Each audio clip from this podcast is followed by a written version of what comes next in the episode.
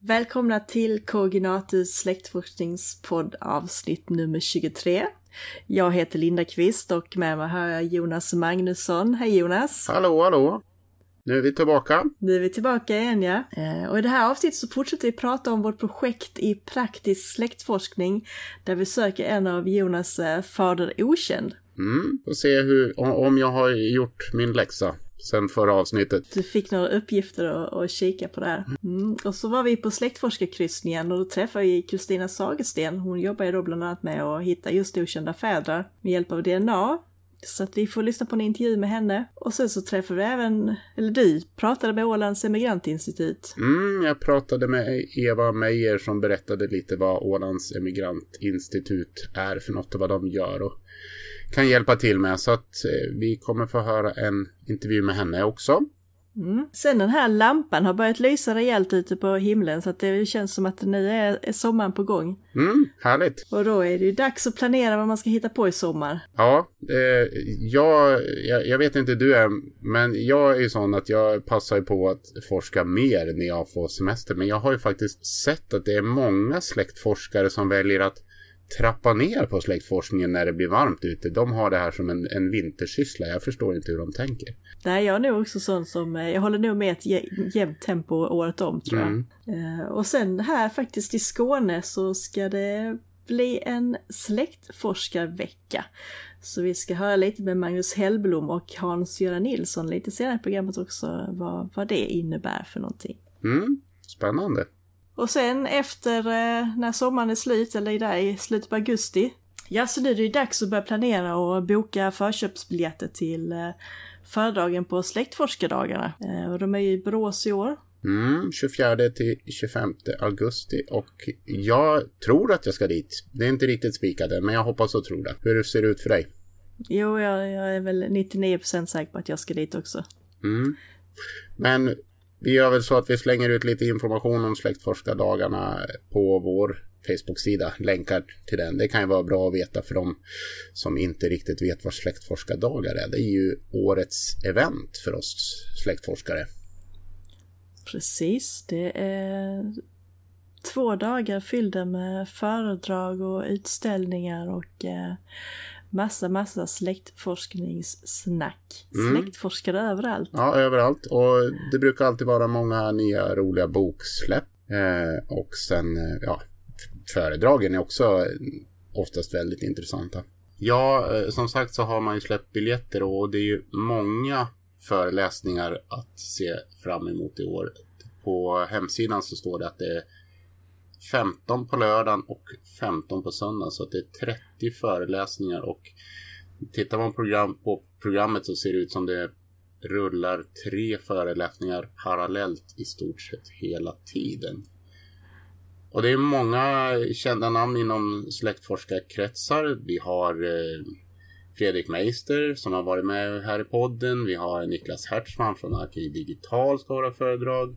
Peter Sjölund såklart. Eh, Mikael Lundholm på Genealogisk förening ska prata om källkritik. Eh, ja, spontant så känner jag att jag skulle vilja gå och lyssna på Magnus Westerbro, historikern. Hungerordnen som skakade Sverige ska han prata om. Jag håller på att läsa hans bok eh, Pestens år 1710 just nu. Jag, jag gillar honom skarpt. Han, han kommer människorna riktigt nära i sina alster. Är det något sånt där som du känner att du vill gå och lyssna på, Linda? Ja, jag är lite nyfiken på eh, släktforskning i Tyskland och så ser jag att här på lördag så är Christian Kirchner och eh, pratar om eh, forskning i tyska kyrkbackar så det, det skulle jag faktiskt vilja lyssna på. Mm. Ja, det finns säkert mer saker också eh, som, som är spännande.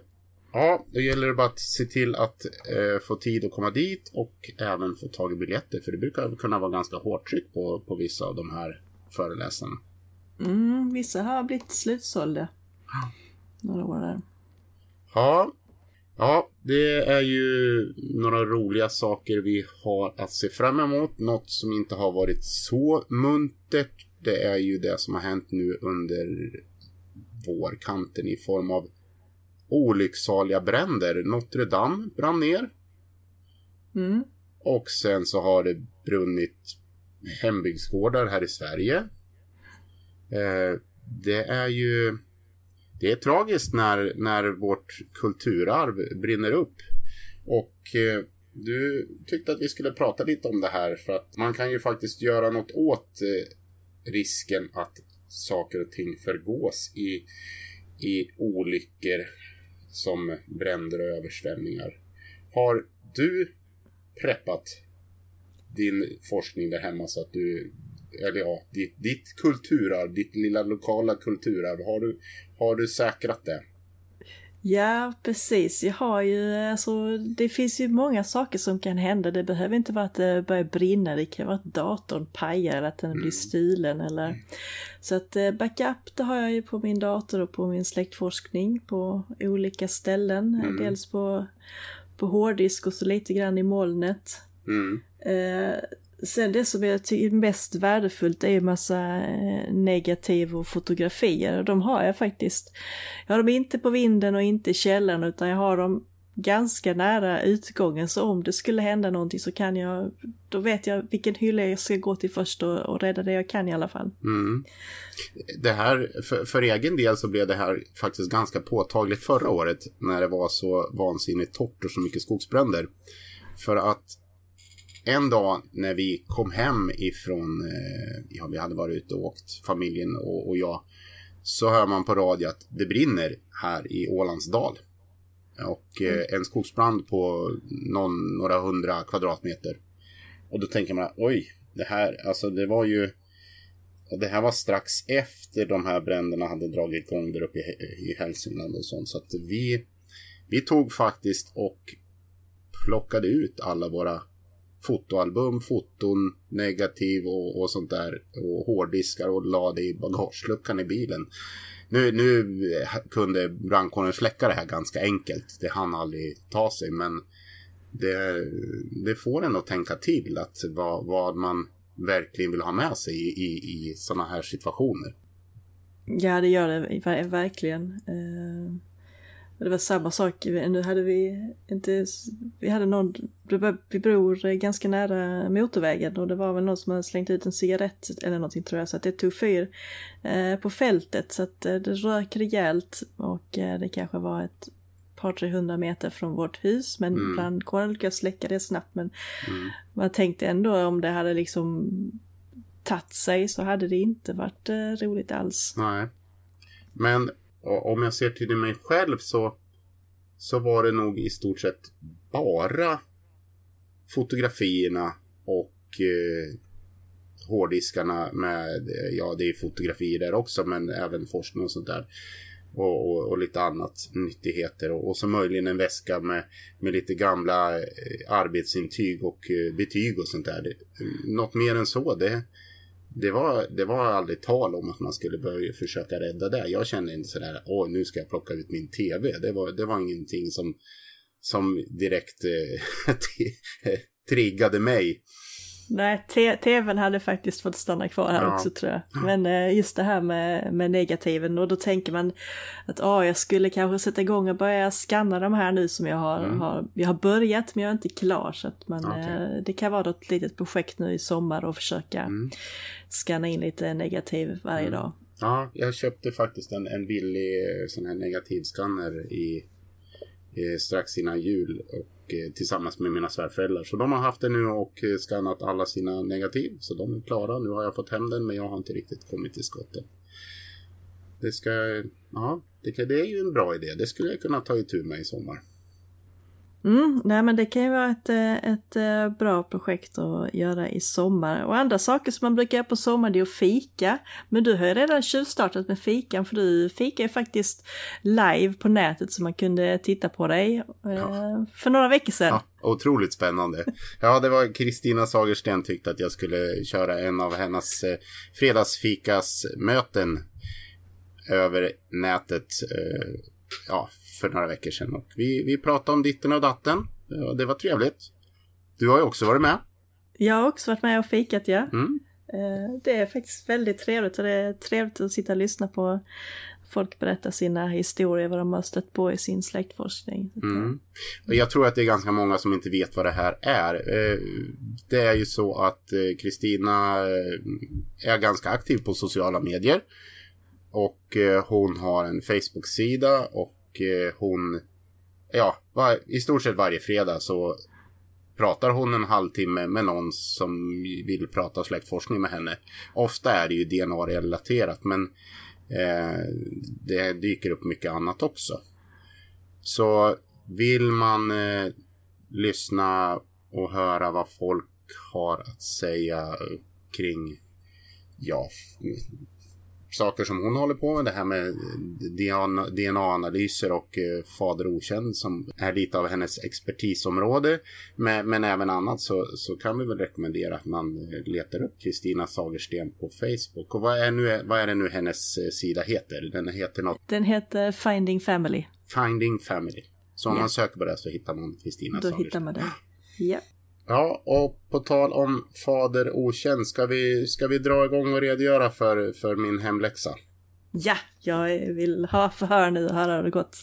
Ja, eh, vi, vi startar ju ett, ett, projekt som vi kallar praktisk släktforskning där vi tar upp ett problem som, som vi har stött på i forskningen och försöka lägga upp en plan för det och sen så ska vi då återkomma eh, i avsnitt framöver och se hur, hur det har gått, följa upp det.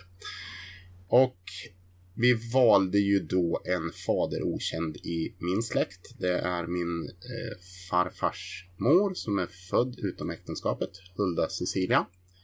Och i avsnitt 21 så gick vi igenom en del tips eh, hämtade ur Elisabeth Reuterswärds bok Fader okänd. För att eh, ha en plan hur jag då ska angripa det här problemet. Och eh, jag har gjort några saker. Eh, jag har absolut inte gjort allt som, som alla tips, eh, men några, några inledande saker. Och vi kan väl beta av dem som jag har, i varje fall har hunnit med och kunnat göra. Och ett av de första tipsen det var att man skulle titta i bilagor till födelse och dopböckerna i den här församlingen där barnet föds. Eh, Hulda Cecilia. Och eh, i mitt fall så gällde det Höreda församling. Och det signum som de här bilagorna då skulle finnas under är H3. Och jag eh, gjorde helt enkelt så att jag gick in i nationella arkivdatabasen NAD och letade under Höreda. Letade upp det här signumet och tyvärr, där fanns inga bilagor eh, för den här tidsperioden registrerade. Jag tittade även under lite andra signum om det skulle vara någonting som skulle kunna vara aktuellt i det här fallet. Men det blev en nitlott. Tyvärr, tyvärr. Men då har jag i varje fall betat av det tipset. Mm. Och det gick, var väl ganska snabbt att hitta oh, det också eftersom oh. du kunde kolla i NAD. Oh ja, det tog eh, tio minuter så hade jag gått igenom det där. Och eh, ja, men det var ju synd. Men eh, det kan ju vara i andra församlingar så kanske det här är ett jättebra material att börja med. Mm. Mm. Eh, sen ett annat tips det var att du skulle följa då mor och dotter framåt och bakåt i tiden. Så tänkte jag att du hittat något där som kanske kan ge någon ledtråd. Ja, jag trodde ju faktiskt att jag hittade något, eh, något spännande där. Jag har, jag har då följt eh, Hulda Cecilias mamma Ida Gusta från hennes barndom i Höreda även hon då och över tiden då hon fick sin dotter Hulda Cecilia och vidare tills det att hon träffade sin blivande man Gustav Adolf Ferdinand Svensson. Och sedan de fick fler barn. Så, så, över den tiden har jag följt dem. Och jag trodde då ett tag att det kanske var så enkelt att den här blivande mannen då, Gustav Adolf Ferdinand, trots allt var även Hulda Cecilias far. För när det tas ut lysning för det här paret då, så bor båda i Eksjö. De har flyttat in till metropolen Eksjö från, från Höreda. Och, men jag har ju konstaterat när jag hade följt eh, dem genom eh, husförhörslängderna. att jag hade noterat att de hade arbetat på samma större gård ute i Höreda där de kom ifrån då. Men det visade sig att de inte hade arbetat på gården under samma period. Och sen så finns det en kanske lite mer handgriplig anledning till att jag inte tror att han är min biologiska förfader. Och det är att i bouppteckningen efter Gustav Adolf Ferdinand som jag då har hittat på så tas inte min farfars mor med som ett barn till honom utan det är bara deras två gemensamma eh, barn som, som bevisligen tillkommit inom ramen för äktenskapet som finns med i den här bouppteckningen. Då. Och sen är det också så att från det att min farfars mor Hulda Cecilia föds så går det sex år tills eh, hon gifter sig då med den här Gustav Adolf Ferdinand. Och jag känner väl att Ja, det är klart att de kan ha haft ett förhållande tidigare, att, att min ana kan ha kommit till. Men det känns ganska lång tid eh, att, för, för att något här ska kunna ske då. Så att jag är väl rätt säker på att hennes eh, blivande make då inte är den biologiska fadern till, till min ana.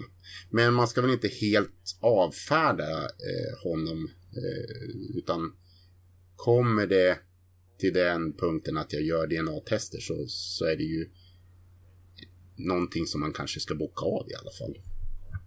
Låter det rimligt? Mm. Ja, det tycker jag. Antingen så det är bra man har en så får man antingen mm. avfärda honom och just nu kanske han står på, på minussidan mm. men så vet man inte. Han kanske hamnar på plussidan mm. sen. Eh, en annan eh, sak som jag gjorde som, som var enkel och trevlig det var att jag ringde till några äldre släktingar. Till eh, de äldre generationerna som finns kvar i livet och jag har inte pratat med dem på på ganska många år men det var, det var bara väldigt trevligt och jag frågade om de hade hört några rykten eller om de sådär men eh, jag fick en liten ledtråd där och det, det var en av mina släktingar som ville minnas att det sades att fadern hade gått bort under lysningstiden eller i, i, strax innan de skulle gifta sig. Men jag tycker att det låter lite långsökt eller kanske rent av en efterkonstruktion.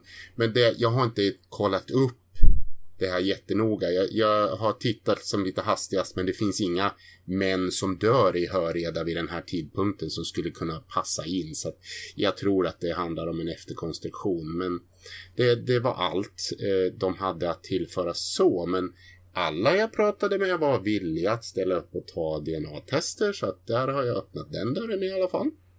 Mm, och på tal om DNA så eh, pratade vi då också med Kristina på eh, släktforskningskryssningen om eh, lite grann vad man ska tänka på när man söker efter en okänd far om man då vill ta DNA till hjälp. Så att, eh, jag tänkte vi kan väl ta och lyssna på det inslaget. Ja, då står vi här på släktforskarkryssningen och har bredvid oss Kristina Sagersten från Finding Family. Hej! Hallå! Vi tänkte att du skulle prata med oss om Fader Okänd eftersom vi har startat upp vårt lilla projekt. För det händer väl att du stöter på sådana frågor i, i, i din roll som DNA-expert idag? Eh, ja, rätt ofta faktiskt. Eh, sen om folk har lärt sig att jag kan hjälpa dem att hitta okända fäder eller vad det är eller om det är många som har utmaningen. Det Folk frågar ibland hur många som har okända fäder och jag brukar säga att jag är nog fel person att fråga för jag möter oproportionerligt många som har en annan pappa än vad de kanske tror. Ja, ja vi har Jonas eh, projekt här som vi håller på med. Då är hans farfars morfar vi söker. Det stämmer. Ja, och eh, var född i början på, eller var född på 1880-talet i, i Höreda nere i Småland. Precis, och det är just den här perioden som är lite svår för då behövde inte kvinnan uppge vem som var fadern. Eh, så då tänker vi, eh, ja, Jonas skulle kolla upp eh, släktingar och topsa och vi skulle då försöka topsa så nära som möjligt i tiden. Eh, och även då försöka testa på hans mammas sida för att kunna utesluta. Så tänker vi, har vi missat någonting som vi liksom borde gå in och, och kika på mer? Eller hur, hur, hur, ska man angripa det här? Det är ändå en bit bak i tiden. Men, mm. Nej, men det, det, är egentligen tre saker som jag tänker spontant och ni har tagit två av dem. Det första är ju att testa så nära frågeställningen som möjligt och det gör man för att DNA halveras till varje generation. Vi får ju hälften av vårt DNA från varje förälder. Så därför vill man komma så nära som möjligt. Eh, och den andra är ju att eh, testa på mammas sida, för då kan man utesluta. Om man testar mamma till exempel, då vet man ju alla matcher man har på mammas sida. Eller om det här var farfars morfar nu då. Kan vi hitta någon på farfars sida vi kan testa som är på farfars pappas sida? För att sortera matcher hela tiden. Okej, okay, för att få lite fler uteslutningar där också ja. i, i, varje generation? Ja, och sen gäller det att hålla tummarna att grenarna inte är för mycket släkt med varandra för då blir det ju jobbigt. Jag tror inte att det är fallet i det här för att det är ganska långt ifrån varandra rent geografiskt. Mm, mm.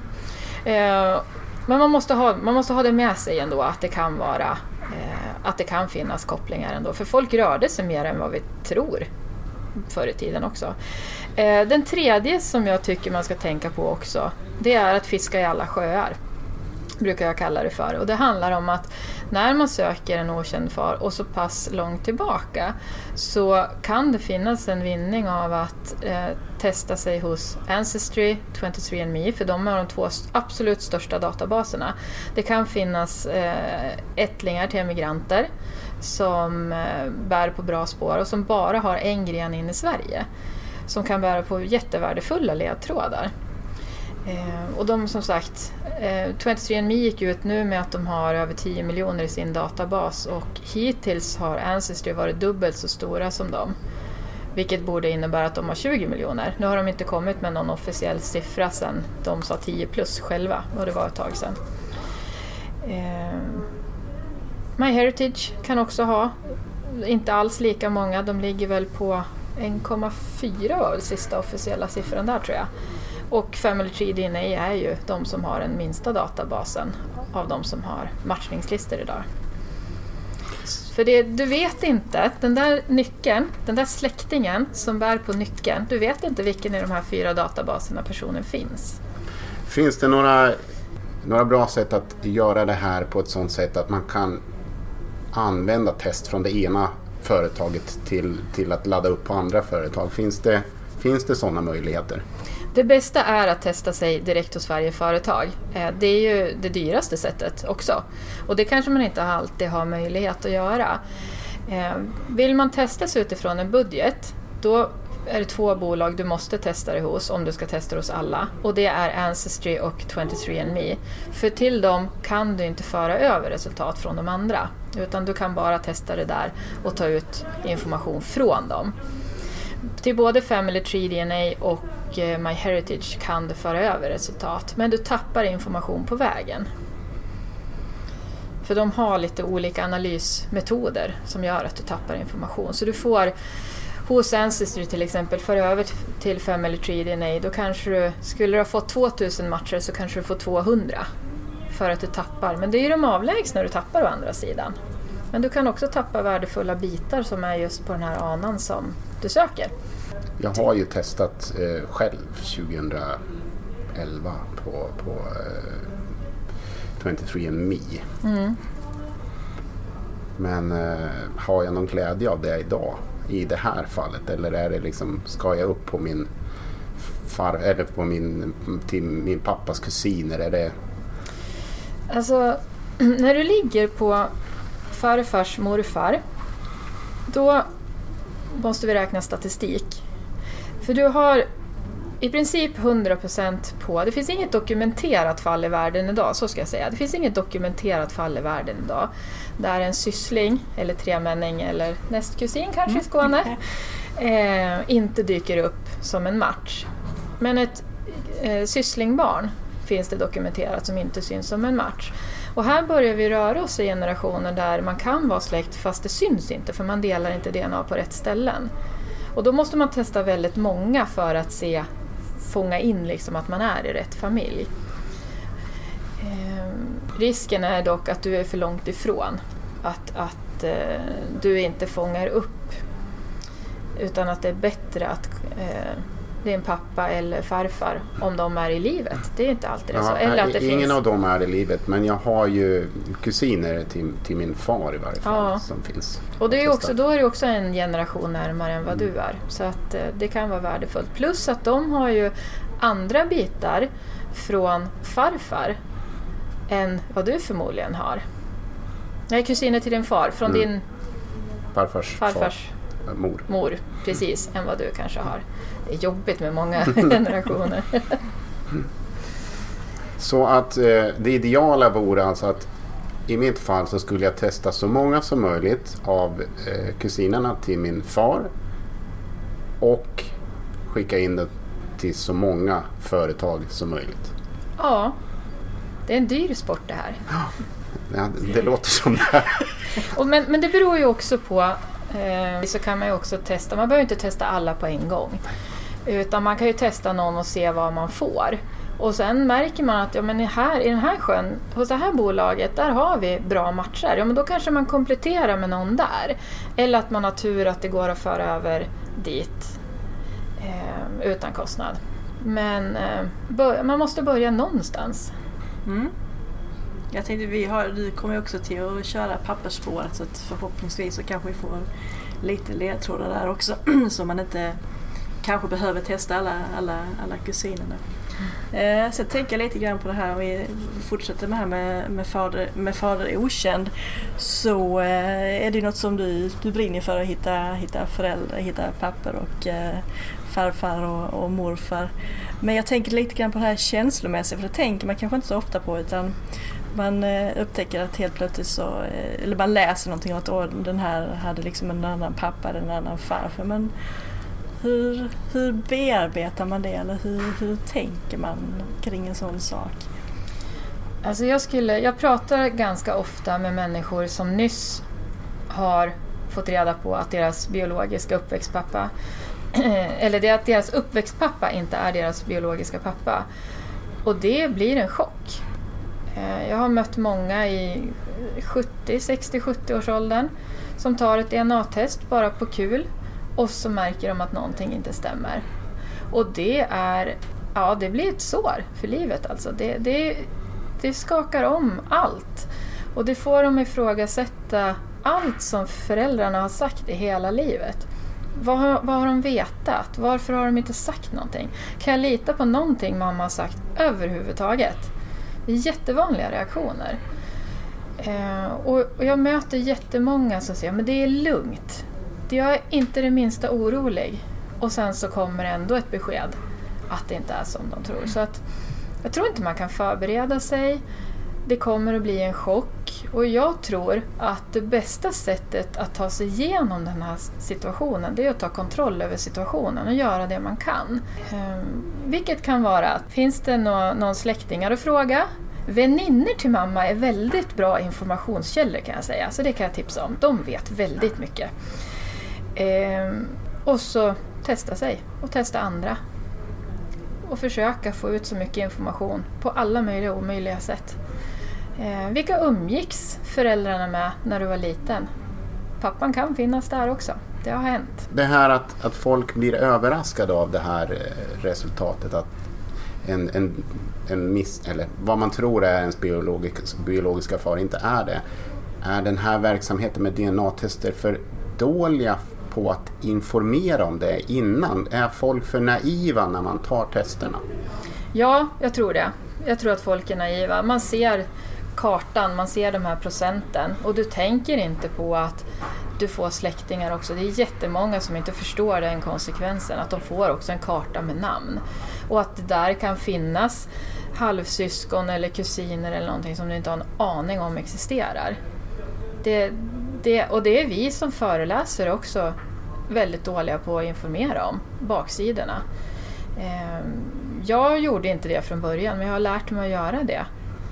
För att när jag har sett liksom konsekvenserna av det. Så jag säger alltid det på föreläsningar, vill du inte veta, testa det inte. För när du väl har testat dig så kan du inte låta det vara ogjort. Liksom. Då, då finns informationen där. En, en annan sak, alltså om, när man nu går i sådana här tankar som jag har då och kontakta äldre släktingar som man kanske inte har pratat med på 10-15 år. ses på begravningar och, och möjligen ett bröllop någon gång. Hur närmar man sig på bästa sätt eh, de här personerna för att lägga fram sådana här frågor? Vad, vad ska man absolut inte göra till att börja med?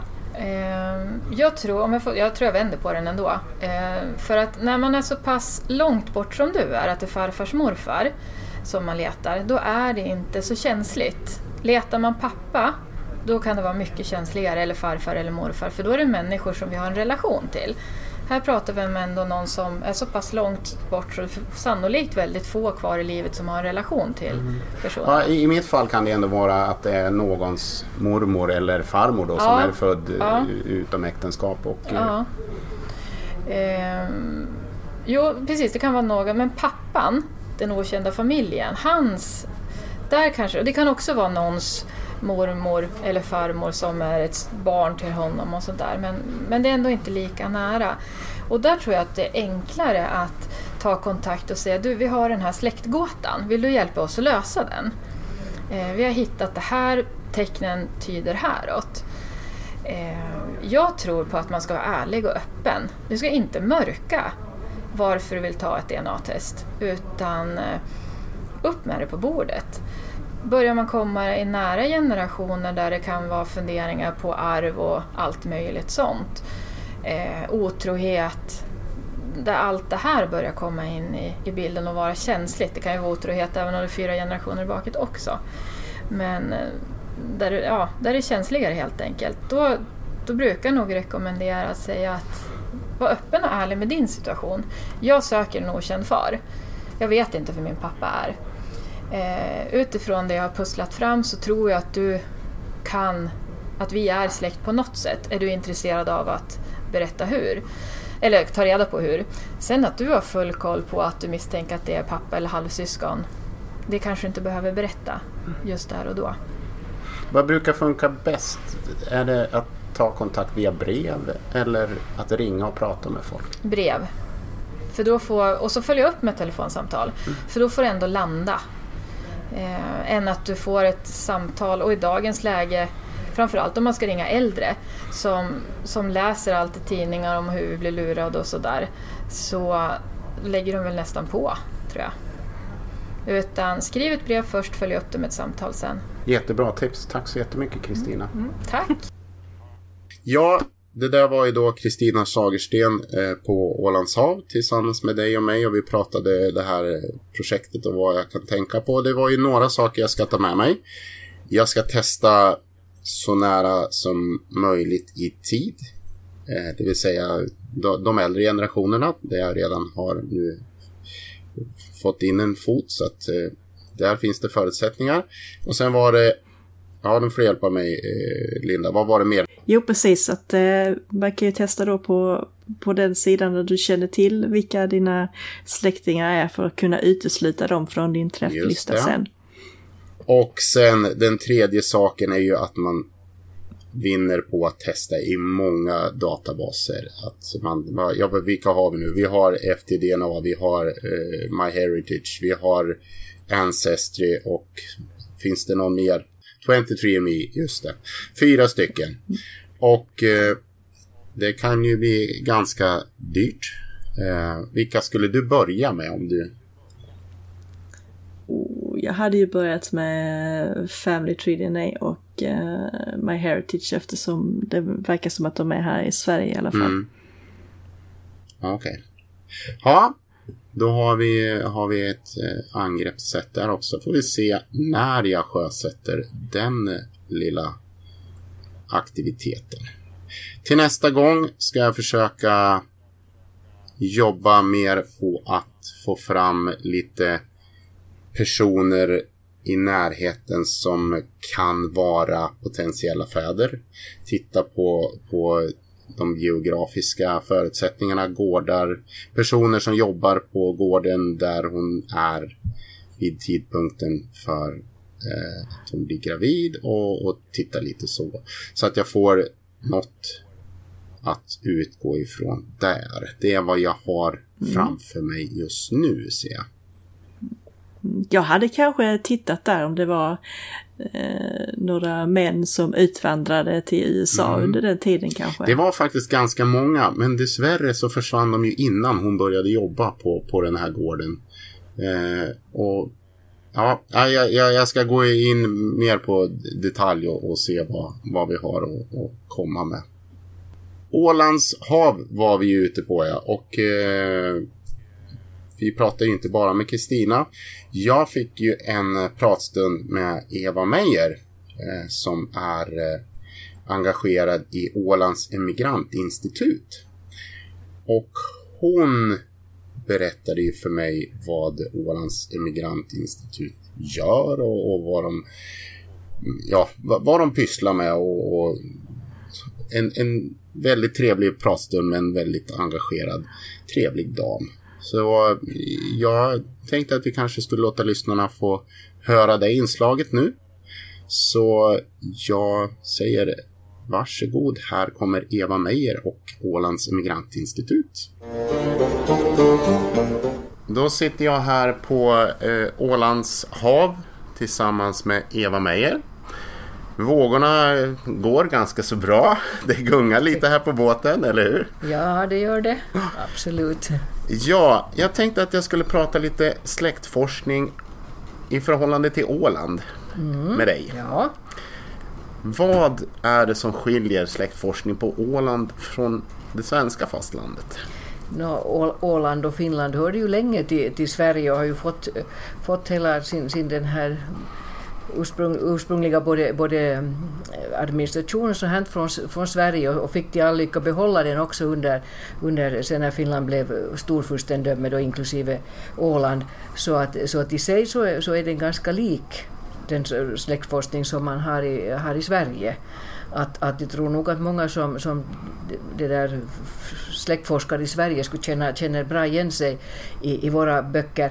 Och det som är det fina också, fast det då är Finland, jag menar också om man hamnar in på, på finska fastlandet så är det ju böckerna ju skrivna på svenska ända till slutet av 1800-talet. Så, att, så att det är ju en stor hjälp för, för alla svenskspråkiga det. Mm. Och, det där, och, och, vi har, vi har mycket, mycket fina, fina, fina böcker. I Ålands landskapsarkiv har vi ju dem, men, men idag förstås så använder man ju Arkiv Digital och de, också finns de, ju, finns de också eh, skannade på, på, på Riksarkivet, alltså då Finlands riksarkivs hemsida finns en, en, en, en stor databas med massvis med olika församlingar. Och också så, så finns det Finlands släkthistoriska förening som, som också skannar men att där, där är kanske Åland inte så hemskt väl företrätt som, som då fastlandet, men, men det, det där ser man att det ökar hela tiden och också, också på, på, bland deras böcker. Sen har vi ju släktforskaren Håkan Skogsjö som alla människor känner till och det där är ju, eh, är ju förstås om man lite vill fuska så tittar man i hans utmärkta böcker men, men om man vill göra det själv så då, då använder man ju källorna mm. förstås. Ja, eh, så språket är svenska rakt igenom, men det finns eh, skillnader i sekretessbestämmelser gentemot Sverige, eller hur? Jo, jo och, det, och det är mycket tråkigt för att, för att det där, mycket, mycket av det här som jag då pratar om så går ju bara till, till egentligen till 1860-talet, 1870-talet, 1880-talet. Det som jag har till min stora förtjusning sett att, att, att hur det har sen slunkit igenom att de här mantalslängderna finns i arkivdigital ända till 1930-talet, men säg det inte högt så att någon märker och bort någonting. Men att, men att det, det, det är besvärligt det där. Och tyvärr så, så är ju de här församlingarna, på Åland är de, är de inte så strikta. För att det är just som de säger att de känner ju ändå till i stort sett alla som släktforskare och de, man känner varandra bland 29 000 människor så, så där finns ett annat förtroende. Men att, men att de här församlingarna på fastlandet det är alldeles hopplöst för att de, de är mycket osamarbetsvilliga. Att där, där kanske är det fiffigast att om, om man då vill, vill forska i någon, någon speciell församling, att man reser dit och, och det där och säger då, presenterar sig och berättar, sig, berättar just att man är släkt för att jag tror att då kanske man har, har lättare att komma åt de här källorna. Man får göra det på plats helt enkelt? Jo, jo, mm. jo. Ja, du representerar Ålands emigrantförening? Emigrantinstitut, ja. Emigrantinstitut, jag ber om ursäkt. Ja. Eh, vad gör ni? No, vi har ju hemskt mycket riktat in oss på, på, på dels att hjälpa ålänningar att hitta, hitta släktingar och, och det där förstås släktforskning också. Det går i allmänhet inte så hemskt långt bakåt, inte in, som, för att det brukar många, många då sköta själva just att komma så långt bakåt man kan. Men, men mycket, mycket just vi använder databaser och, och, och söker, söker då reda på, på emigranter, vart de har tagit vägen och, och sen är ju alltid drömmen för de flesta att tänk om man skulle hitta någon där i andra ändan. Så att, så att, och, och samma också att vi får, vi får mycket förfrågningar, synnerhet från USA.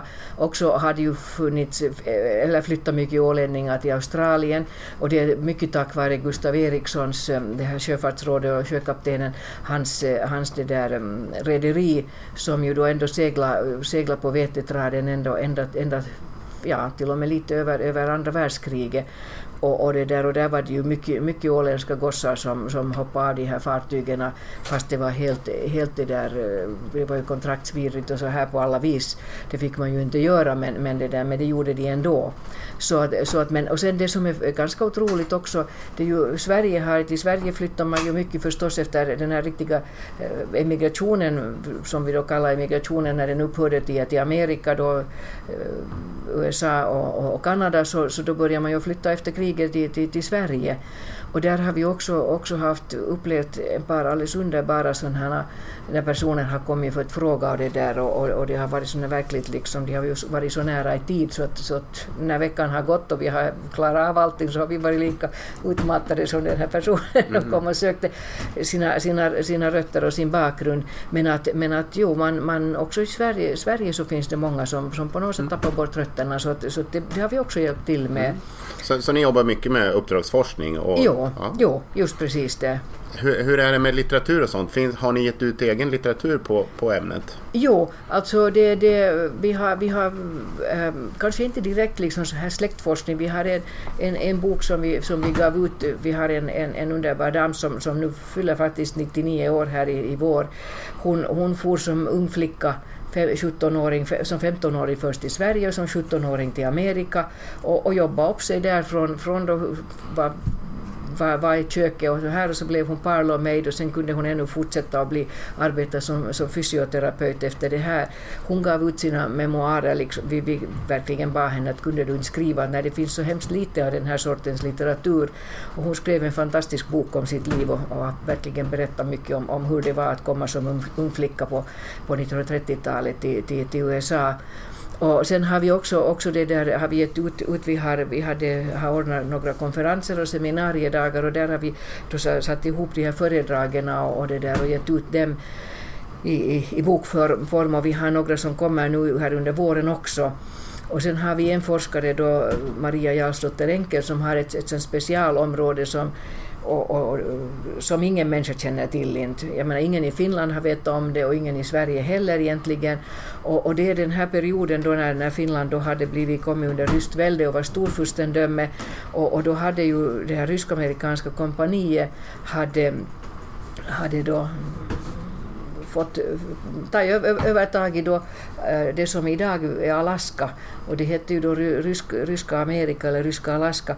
Och, och, det där och hon, hon blev för ett, 30 år sedan intresserad av det här och, och upptäckte att det fanns ju en massa finländska namn i, i det där i de här Ehm, rysk-ortodoxa församlingsböckerna och, och började forska i det här och nu har hon hittat ett tusental finländare och en 15, 15 ålänningar också som, som reste dit bort och den här perioden är ju från, från, sa hon, från 1916 till, till 1960, förlåt, 1816 till 1867 då det såldes till, till USA.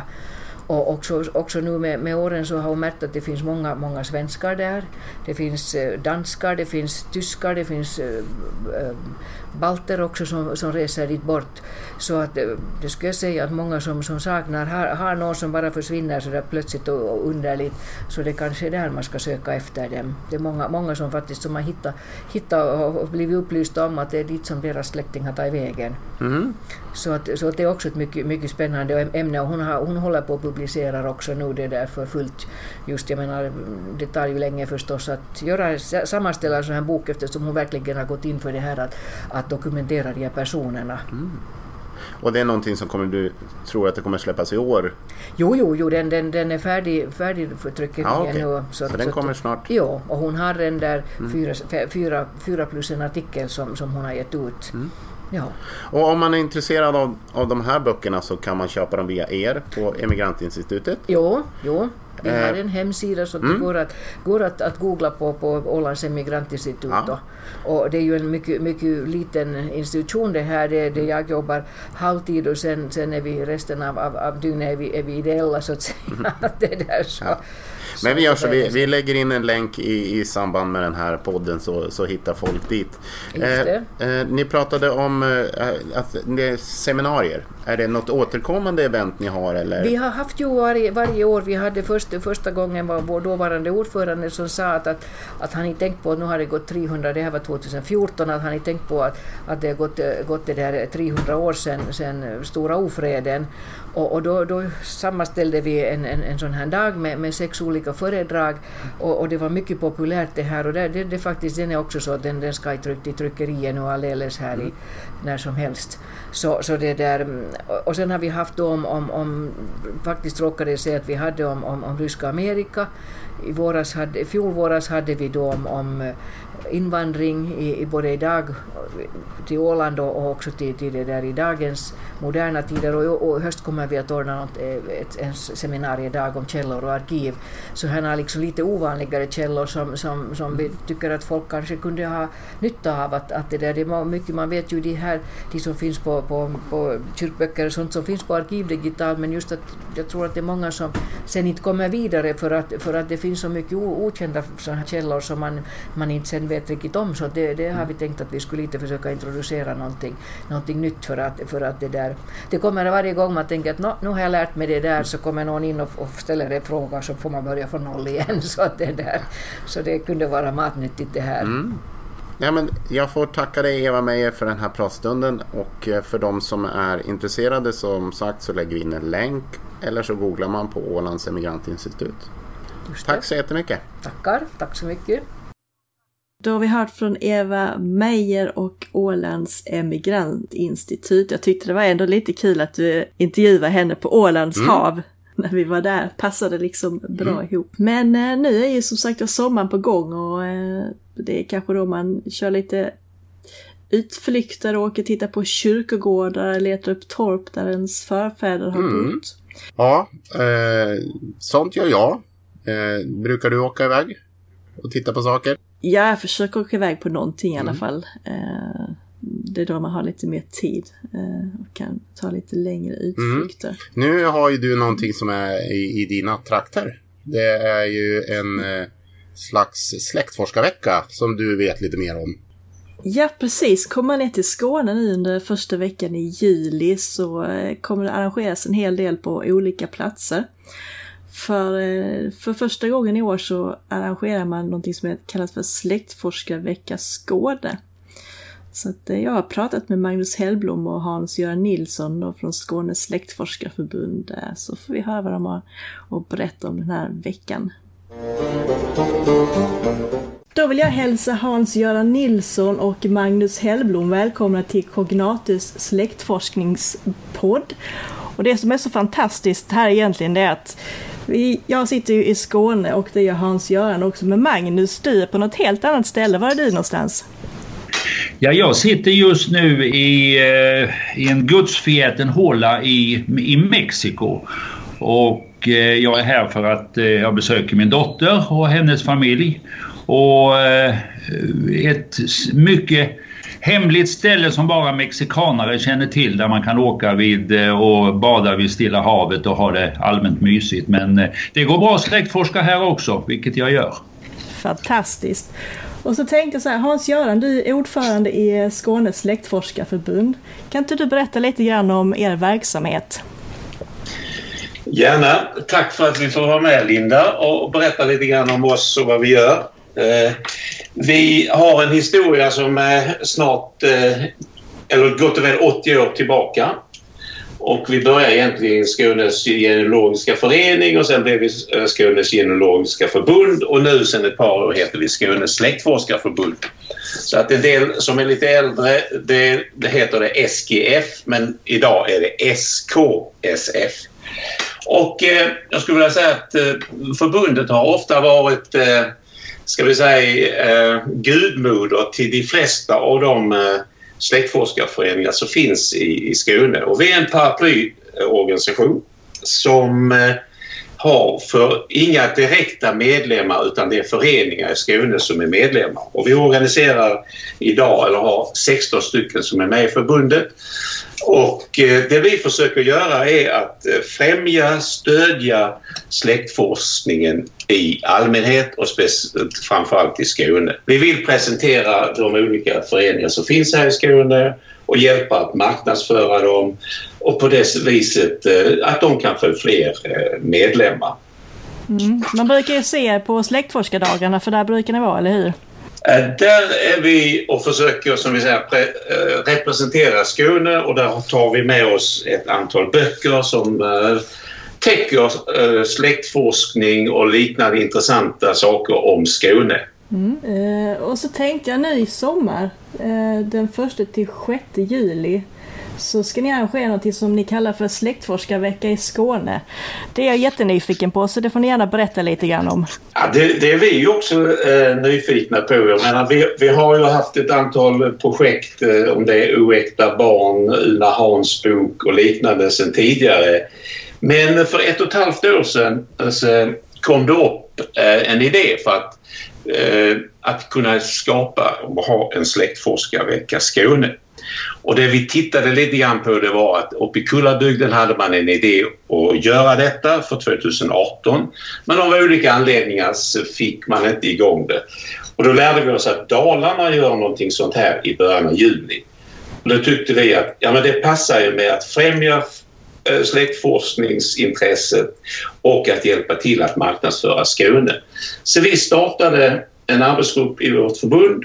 Eh, vi är fem personer och eh, började skissa på ett koncept. Eh, hade kontakt med Dalarna, eh, kopierade så mycket vi kunde från deras erfarenhet. De var öppna till detta. Och sen presenterade vi det för våra föreningar i oktober förra året. Och vi fick ett positivt gensvar och det gäller alla föreningar i Skåne, de som är med i förbundet lika väl som inte är med. Och det vi gör det är att under sex dagar eh, på olika platser i Skåne har vi eh, program och det är föreningarna som leder programmet. Det är de som ansvarar för programmet, eh, bygger upp det så det kan vara väldigt olika omfattning och innehåll. Och vi eh, i förbundet, vi har tagit på oss ansvaret att koordinera, marknadsföra, få ut budskapet. Och det vi siktar ofta på att nå det är alltså människor, ska vi säga, under semestern att kombinera nöje med nöje. För släktforskning är ju ett nöje. Och har man semester så hoppas jag att det är ett nöje. Uh, och vi sprider den här informationen till uh, resten av Sverige men också våra grannar i, i Danmark, Norge, Finland, Baltikum såväl som i Tyskland och eh, även borta i Nordamerika. Nu har ju Magnus kommit lite söder om men det är möjligt att han en runda upp om eller han tar tillfället i akt när han är i Mexiko att informera borta i Nordamerika. Mm. För att eh, liksom sprida vad vi vill göra. Jag tror det tar två, tre år innan det sätter sig, innan man ser hur det här verkligen kommer att, eh, att eh, bli. Men eh, vi vill ha detta som ett årligt återkommande eh, arrangemang. Mm. Om man nu är nyfiken, om man, antingen om man nu är redan nere i Skåne eller om man befinner sig någon annanstans i landet och har tänkt att komma ner till Skåne i början på juli. Var kan man hitta information om det här? Vad, vilket program det är och vad som händer och, och vart det är någonstans? Ja, eh, då kan man säga som så att vi, vi har ju, vi tycker om att marknadsföra och det gör vi nog väldigt aktivt. Va? Och eh, vi har en egen hemsida som är helt fristående från Skånes släktforskarförbund och det är en hemsida med beteckningen Släktforskarvecka Skåne. Så om man googlar på, på det ordet Släktforskarvecka Skåne så ska man få upp eh, en, en fin länk. Alternativt är, finns det en länk som heter sfvs2019.sgfm.se Den är lite komplicerad att hitta va? men jag ska repetera den så kanske någon, man vill skriva upp den. sfvs2019.sgfm.se fm.se. Och på den här hemsidan där pratar vi om lite vad som, eh, vad är nu släktforskarvecka Skåne, vad vi, varför har vi startat upp den, ungefär vad Hans-Göran sa. Det finns lite eh, Aktuellt som vi kommer lägga in, vilka föreningar är, är med, kontaktmöjligheter, allmän Skåneinformation och sen de olika dagsprogrammen. Och för det är ju som så att den här eh, stannar ju inte på bara en, en dag och ett ställe utan den, den är i Lund första dagen och sen så är den i Hör och, och, och Hurva och på många olika in, eh, intressanta ställen. Och där kan man alltså intressera, eller se både eh, svensk text, engelsk text och tysk text. Va? För, I och med att vi riktar oss också internationellt. Detta är då hemsidan. Sen har vi en, en Facebook-sida som om man, googlar, eh, om man går in på Facebook och, och söker på Släktforskarvecka Skåne samma ord som tidigare, Släktforskarvecka Skåne, så kan man gå med i en offentlig grupp som just nu har nästan 100 medlemmar och den kommer att användas för om man vill ha eh, kommunicera med, med varandra, man, om man vill kommunicera med olika föreningar, om man vill fråga och, och, om någonting och så. Så den Facebook-sidan ska ju vara lite mer fräsch och, eh, och bli uppdaterad varje dag. Va? Medan däremot eh, hemsidan och, och vad säger, släkt, eh, Facebook gruppen den eh, skapas ju av de olika eh, medlemmarna i gruppen. Det är mycket enkelt att gå med. Det är bara att ansöka och sen så eh, blir man medlem efter någon timme eller så när vi har bara studerat profilen. Vi vill inte ha in några spammar i den här gruppen. Va? Där går man in och kikar här på, på hemsidan så ser man ju till exempel när man går in och kikar på Lund så ser jag vad som ska hända. Dels så ska det vara då en eh, lite föredrag och sen så ska det vara någon snabbkurs i släktforskning och det och sen någon, någonting ute på stan också med någon rundvandring så att det är väldigt stor variation på det som händer så att det är roligt. Det passar liksom, passar någonting för alla känns det som. Ja, det, det måste jag säga. Alltså, vi har ju, jag menar det är inte oftast är det ju så kanske i många familjer att det är bara någon som intresserar sig för släktforskning och det är ju lite jobbigt om den personen då ska styra hela semesterresan. Utan här har man ju möjlighet att kanske själv grotta ner sig i någonting ute på Arkivcentrum Syd om man nu vill det och det är den dagen och låta familjen gå in i Lund och äta glass och Eh, kanske få en medeltidsvandring eller en kulturhistorisk vandring i, eh, i, i centrala Lund. Va? Så att, eh, men man kanske också kan intressera folk familjemedlemmarna på att eh, en snabbkurs i släktforskning, man får veta allt, en och en halv timme, pang, pang, pang, så, blir det, så kan man lite släktforskning efter det kanske. Va? Mm. Ja, det, vi kan väl också säga att det har varit viktigt att vi försöker göra det brett och vi har alltså haft kontakt och har kontakt med andra släktforsknings eh, organisationer, till exempel DIS och DIS Syd. Men också att vi vill eh, passa på tillfället, eh, eftersom vi har ett gott samarbete med Landsarkivet, att de också kan visa upp lokaler, vad, vad som finns. Det är ju inte mer än 3-4 procent som är eh, digitaliserat och det finns mycket mer. Så därför har vi gjort det. Samtidigt försöker vi med Skånes hembygdsförbund och de föreningar där att våra föreningar och Hembygdsförbundets föreningar gör gemensamma aktiviteter. Så att om du, precis som du sa Linda, tittar du på programmen så är de väldigt olika eh, men det är ett brett spektrum. Och eftersom vi har så många föreningar i, i eh, Skåne så är det ju flera föreningar som har samma dag. Så att man kan ju titta på programmet eh, som Magnus var inne på. Vad passar bäst för oss? Är det en rundvandring? Är det ett specifikt objekt? Eh, eller vill jag riktigt grotta ner mig inom släktforskning och ta kontakt med den föreningen och få hjälp för jag har lite anor precis på det stället där, där de eh, är experter. Mm. Och, och, jag vill eh, kanske slå ett slag på, för den första juli är ju då måndagen, det är ju då vi startar. Då är det ju, eh, allting håller då på på, på Arkivcentrum Syd i Lund. Men eh, om man tittar på tisdagen den 2 juli så har programmet blivit otroligt brett egentligen. Dels så har då Mellanskånes släkt och hembygdsforskarförening eh, mycket om DNA och kommer att stötta det där.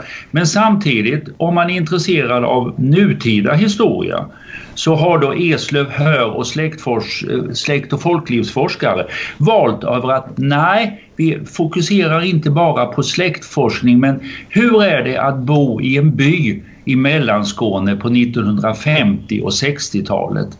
Och då har man koncentrerat sig på Hurva där man kan få, få veta hur har Hurva socken utvecklats under 600 år. Man vandrar genom byn, man tittar på kyrkogården och har man bott där och man vill, eller man vill veta lite mer så kommer man ha en gemensam träff med att man eh, berättar gamla och nya minnen. Eh, så tisdagen är faktiskt eh, från ett väldigt, väldigt bra exempel på på, eh, på bredden av det. Samtidigt så eh, parallellt med detta så pågår då, har Stefan Staffanstorp släktforskare, de har de som eh, en föreläsning om de som bodde vid Malmövägen på 50-talet.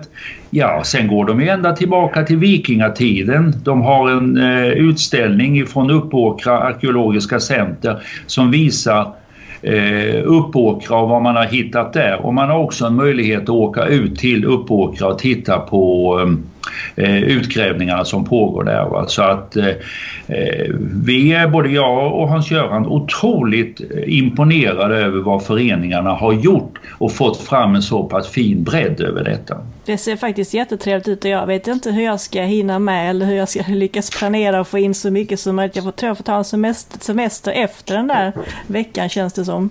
För det händer så otroligt mycket. Linda, du måste planera in också för nästa år för att det du inte hinner med i år det kommer kanske tillbaka till nästa år eller kommande år. Va? Ja, för Eftersom det... det är så många. Va?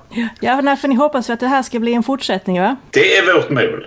Och vi har till och med eh, ibland så får du tänka stort men börja i sport. Så att eftersom Dalarna och vi har i samma vecka för att göra det. Sen finns det en liten dröm, vision, vilket ord man vill använda. Att man kanske i framtiden kan ha en släktforskarvecka Sverige. Där när man är på semester i Skåne, Dalarna, Kronoberg, Södermanland eller någonting och är intresserad av släktforskning, ja då finns det ett litet program som man kan kombinera som vi har sagt innan och som Magnus berättar för hela familjen. Det låter ju fantastiskt trevligt tycker jag. Ja, vi får hoppas vi når dit. Mm.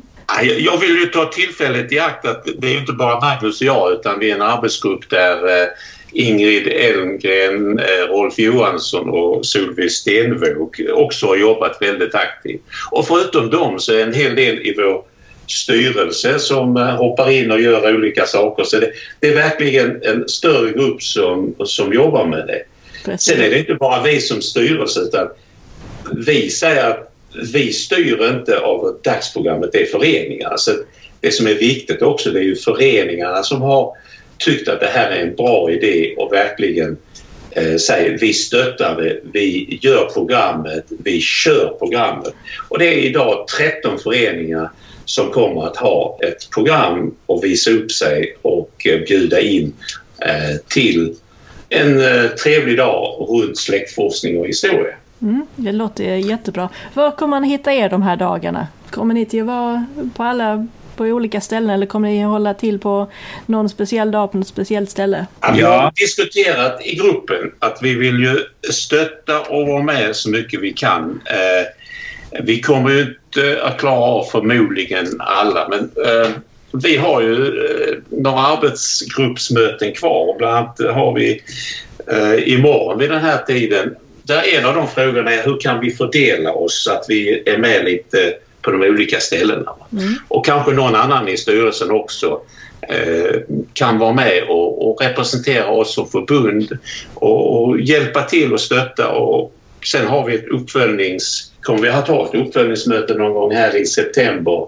där vi tar lärdom vad vi har sett under detta året och lägger det som grund när vi börjar planera för 2020. Ja, vi kommer med mycket stor sannolikhet att fara runt som skottspolar och, och, och hjälpa till men vi, vi, kommer ju varje dag fokusera på några olika platser så att eh, eh, framförallt projektgruppen kommer ju att dela upp sig. Vi kommer ju, Hans-Göran och jag kommer väl inte att se varandra eh, eller Ingrid eller Rolf eller Solveig Eh, utan vi kommer vara på olika platser och eh, svara på frågor, hjälpa till och eh, hjälpa dem som, de som behöver hjälp. För att jag vet själv för några år sedan var jag uppe på en släktforskare, eh, eller på eh, min egen släktforskning i Dalarna och jag har lite problem där uppe. Va? Då visste jag inte ens om att det fanns en släktforskarvecka och jag behövde komma i kontakt med folk som kunde visa mig några olika gårdar som jag letade efter. Och då hade jag varit otroligt behjälpt av att komma i kontakt med, eh, med en, någon lokal kunnig person.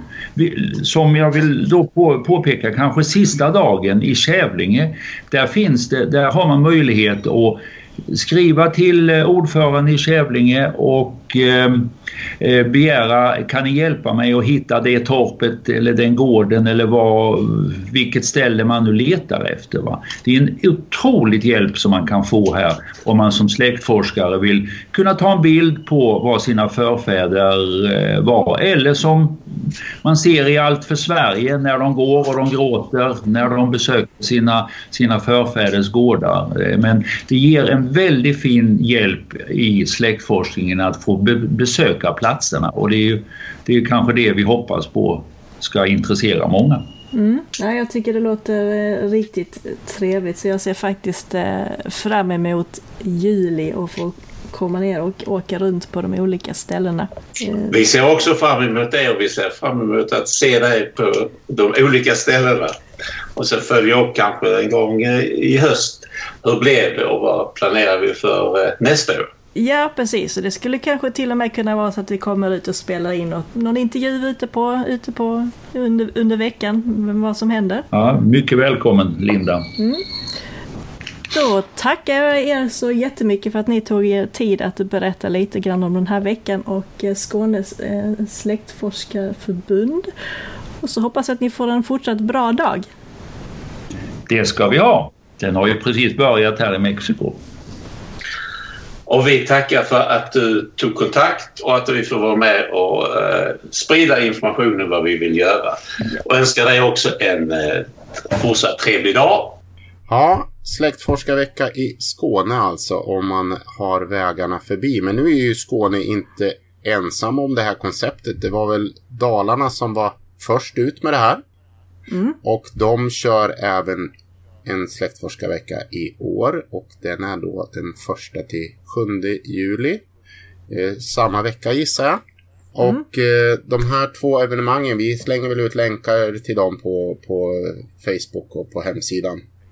Så, det gör mm, vi. så kan folk gå in och, och, titta. Så att rör man sig i Dalarna eller i Skåne så kan man eh, passa på att eh, gå på sådana här evenemang.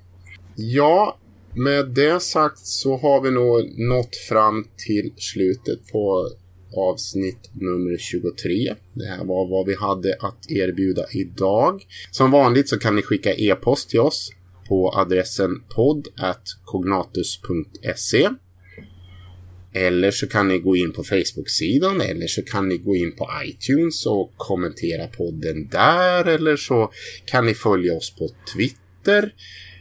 Eh, vad kan man göra mer? Eh, ja, man kan ju, om man skulle tycka att det skulle vara kul att hjälpa till eller om man har förslag på något inslag som, som eh, vi kan göra så får man också jättegärna höra av sig. Absolut, det här tjatar vi om hela tiden. Men vi vill ju ha med mer folk och, och aktiviteter i podden för vi tycker det är kul. Men eh, som sagt, det här var vad vi hade att erbjuda idag. Vi tackar för oss. Jag, Jonas Magnusson. Och jag, Linda Kvist. På återhörande!